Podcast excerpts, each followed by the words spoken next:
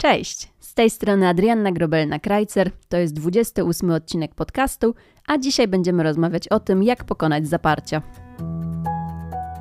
Pelwismed. Zadbaj o swoje zdrowie intymne na każdym etapie życia. Prowadząc wywiad z pacjentką, zawsze zadaję jej pytanie a propos wypróżnień. No i okazuje się, że teraz, w dzisiejszych czasach, bardzo dużo osób ma problem z wypróżnieniem. Pacjentki są zmartwione częstotliwością wypróżnień, konsystencją stolca, czy na przykład krwią w kupie. No i dzisiaj pod lupę właśnie bierzemy zaparcia. Zaczynamy od tego, e, ty musisz zrozumieć, że wypróżniać nie musisz się codziennie i to jest jak najbardziej ok. Nie ma też co się porównywać do jakichś koleżanek z pracy, no ponieważ każda z nas prowadzi inny styl życia, e, stosuje inną dietę, pije inną ilość płynów. No i wydaje mi się, że też nam ktoś mówił, że ta kupa powinna pojawiać się codziennie, no a nie każdy właśnie będzie w stanie osiągnąć taką częstotliwość wypróżnień. No ale musimy sobie w takim razie powiedzieć, co kwalifikujemy już faktycznie jako zaparcia. No i tutaj już Ci tłumaczę. Zaparcia to jest tak naprawdę zbyt mała częstotliwość wypróżnień, ale mamy tutaj na myśli mniej niż 3 stolce tygodniowo. Niektóre źródła nawet, słuchaj, podają mniej niż dwa stolce tygodniowo, czyli tak naprawdę dla kogoś to może być bardzo mało. I co więcej, taki stan musi utrzymywać się przez minimum 3 miesiące. Minimum 3 miesiące. Czyli jeśli przez tydzień, dajmy na to, źle się żywiłaś, jakiś taki bardziej nienaturalny dla siebie styl życia prowadziłaś, i wypróżniłaś się przykładowo tylko cztery razy, to my nie mówimy tutaj jeszcze o zaparciach. No to jest jakieś chwilowe zaburzenie pracy Twojego układu pokarmowego, e, które prawdopodobnie minie za jakiś czas, jak wrócisz już do tej swojej rutyny. Kolejnym kryterium zaparć jest twardy stolec. E, ja tutaj Wam polecam zerknąć sobie chociaż na chwileczkę w Google Grafika wpisać e, bristolska skala uformowania stolca. E, tam bardzo fajnie na rysunkach macie przedstawione, jak ten stolec może wyglądać. I co my nazywamy mm, zatwardzeniem, czyli twardym stolcem, to jest pierwszy albo drugi stopień tej skali. Pierwszy stopień to jest stolec uformowany w takie oddzielne, twarde grudki, przypominające orzechy. Możesz to sobie tak wyobrazić. Natomiast drugi stolec jest już jakby wzbity, wydłużony, ale dalej grudkowaty. No i idealna konsystencja stolca to gdzieś pomiędzy trójeczką a czwórką. Więc tutaj polecam zerknąć sobie, jak ten stolec powinien wyglądać. E, w przypadku zaparć możesz obserwować ból w trakcie wypróżnień. E, to wypróżnienie może cię kosztować też wiele wysiłku. Normalnie w takiej prawidłowej sytuacji powinnaś usiąść na toalecie, no a stolec zaczyna się ewakuować bez potrzeby parcia, czyli bez potrzeby wyciskania na siłę takiego wypróżnienia na siłę. Osoby właśnie, które się zmagają z zaparciami, e, będą bardzo często przyjmowały różne pozycje na toalecie. Czyli obserwują, że odpowiednie ułożenie ciała ułatwia im defekację, że może jak ja się pochylę do przodu, to będzie mi się łatwiej wypróżnić, ale możliwe ktoś znajdzie taki patent, że musi się odchylić do tyłu, czyli gdzieś tam te osoby się na toalecie będą dużo kręcić. E, niektóre osoby też, żeby oddać stolec, muszą na przykład wprowadzić palce do pochwy, czyli nacisnąć na odbytnicę, od strony tylnej ściany pochwy. To też może oznaczać, że mamy problem z zaparciami. No i ten objaw dodatkowo tutaj, to jest istotne, może świadczyć o obniżeniu odbytnicy. Dlatego, żeby to zdiagnozować dokładnie, warto skonsultować to z ginekologiem albo właśnie potem z fizjoterapeutą uroginekologicznym, czyli wykluczyć, wyeliminować to obniżenie odbytnicy. E, po oddawaniu stolca, jeżeli faktycznie mamy do czynienia z, zaparciami, możesz odczuwać takie wrażenie niepełnego wypróżnienia. Mm, no i takie wrażenie będzie wyczuwalne gdzieś tam w końcówce, w końcóweczce odcinka e, jelita grubego, w dole, gdzieś tam już właśnie w odbycie, no albo może gdzieś z tyłu za kością ogonową, czyli wypróżniasz się, ale cały czas masz wrażenie niepełnego wypróżnienia, że ty musisz do tej toalety notorycznie wracać i czujesz, że cały czas chce ci się tą kupę. Czyli wiemy już mniej więcej, czym są zaparcia, jeżeli chodzi o takie kryteria kwalifikacyjne. E, no ale teraz kolejne pytanie powstaje: dlaczego te zaparcia faktycznie powstają, dlaczego się biorą? Jak to jest, że ktoś się zmaga całe życie z zaparciami, a są osoby, które nie mają żadnego problemu, jeżeli chodzi o oddawanie stolca? No i teraz my te zaparcia będziemy sobie jakby dzieliły na odpowiednie grupy.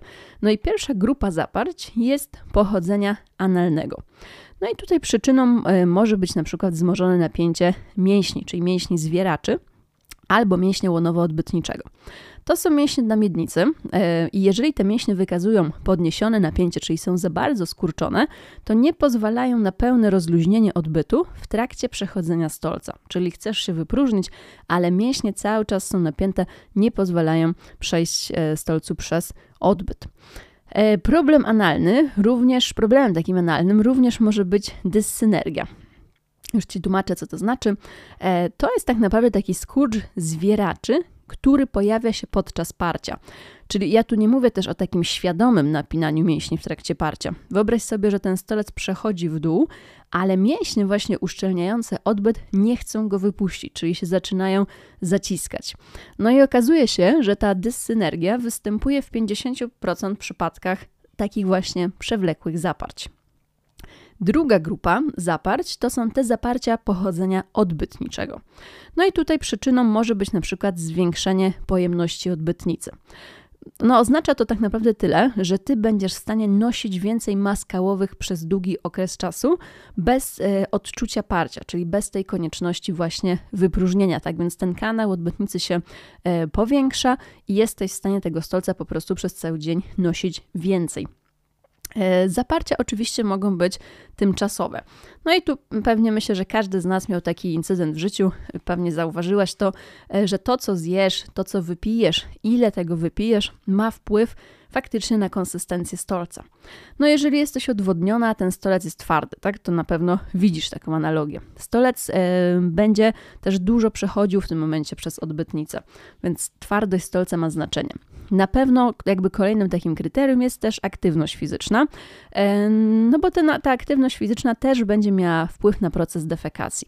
I tu mi nie chodzi, że żeby się dobrze wypróżniać, trzeba trenować, tak? Coś specjalnego. Tu chodzi o taką codzienną, zwykłą aktywność fizyczną, na przykład pójście na spacer.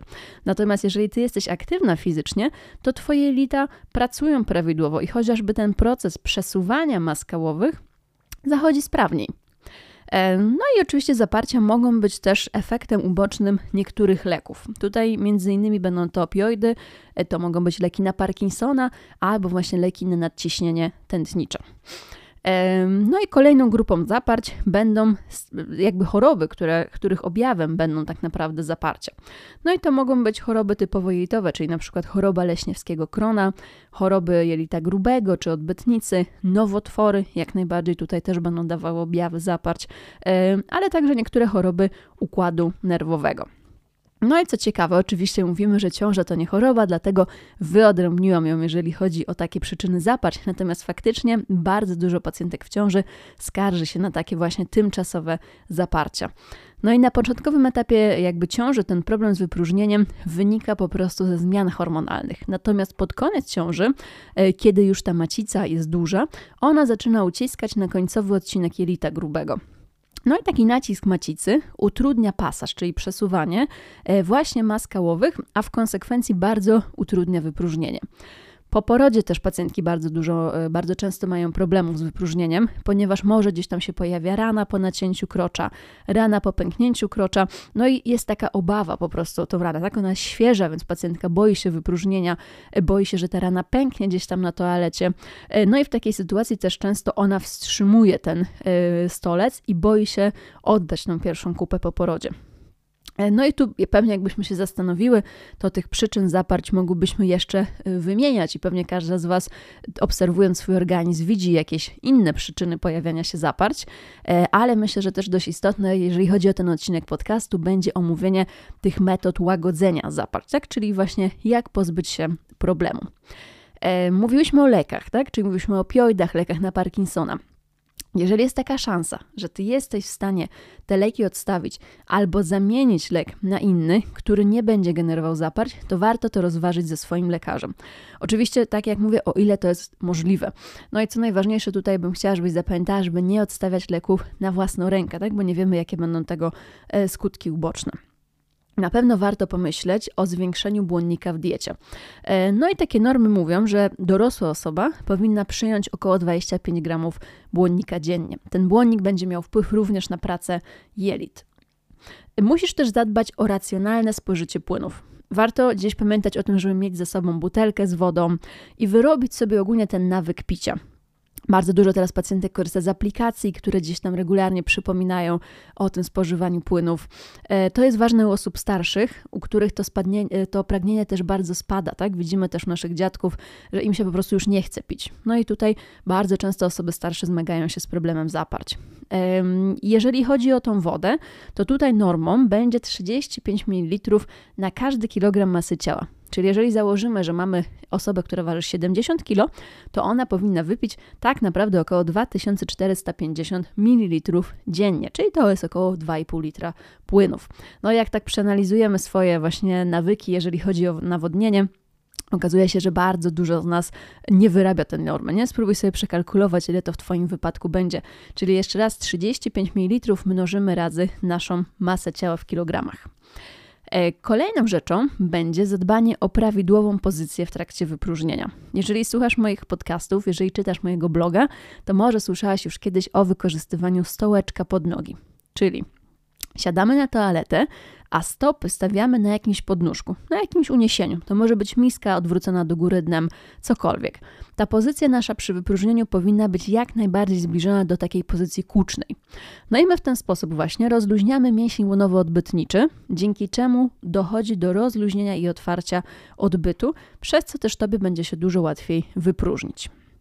E, siedząc na toalecie, jeżeli widzisz, że masz problem z wypróżnieniem, postaraj się delikatnie pogłębić oddech.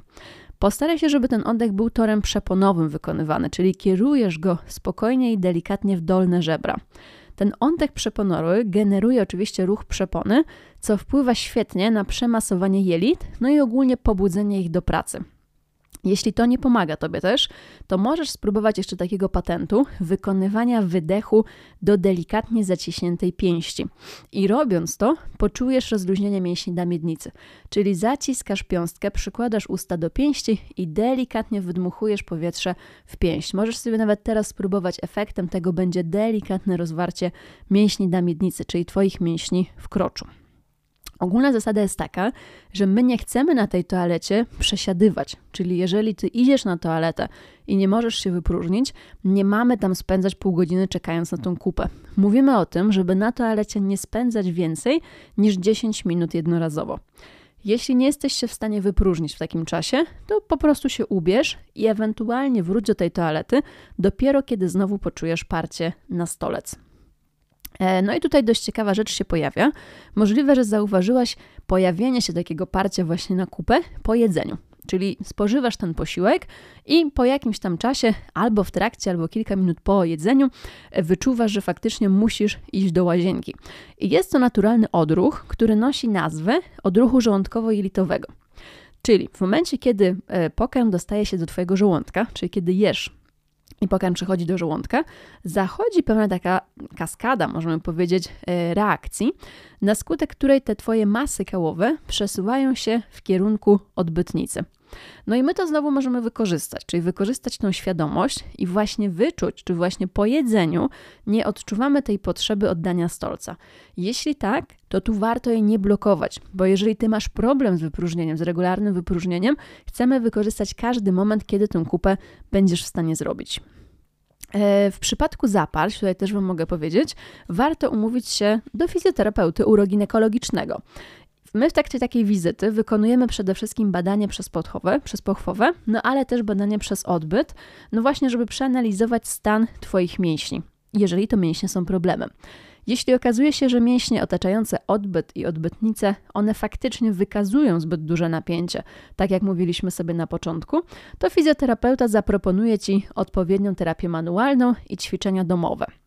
I tutaj warto zaznaczyć, e, jeżeli chodzi o fizjoterapię, jest specjalny dział fizjoterapii uroginekologicznej, czyli fizjoterapia anorektalna, która zajmuje się właśnie problemami gdzieś tam około odbytniczymi. No mam nadzieję, że ten odcinek podcastu był dla Ciebie ciekawy. Ode mnie dzisiaj wszystko. Omówiłyśmy sobie, czym są zaparcia, dowiedziałaś się, e, jakie są przyczyny zaparć, takie najprostsze i najbardziej dostępne metody łagodzenia problemu. E, liczę na to, że czegoś ciekawego się dowiedziałaś. Jeśli ten odcinek uznajesz za wartościowy i chcesz się podzielić wiedzą z innymi, to super będzie, jeżeli udostępnisz go na swoich social mediach. Dla mnie to jest zawsze największa nagroda, no i taki pozytywny kopniak do dalszego tworzenia kolejnych treści. Jak zawsze zapraszam Was serdecznie na mojego bloga Fizjoterapia na Szpilkach, również na Instagrama pelvis.com. No i oczywiście, jeżeli widzisz u siebie problem z zaparciami, ale nie tylko, odsyłam Cię jak zawsze na stronę gabinetu pelvis.com, gdzie znajdziesz wszystkie potrzebne dane kontaktowe, aby umówić wizytę.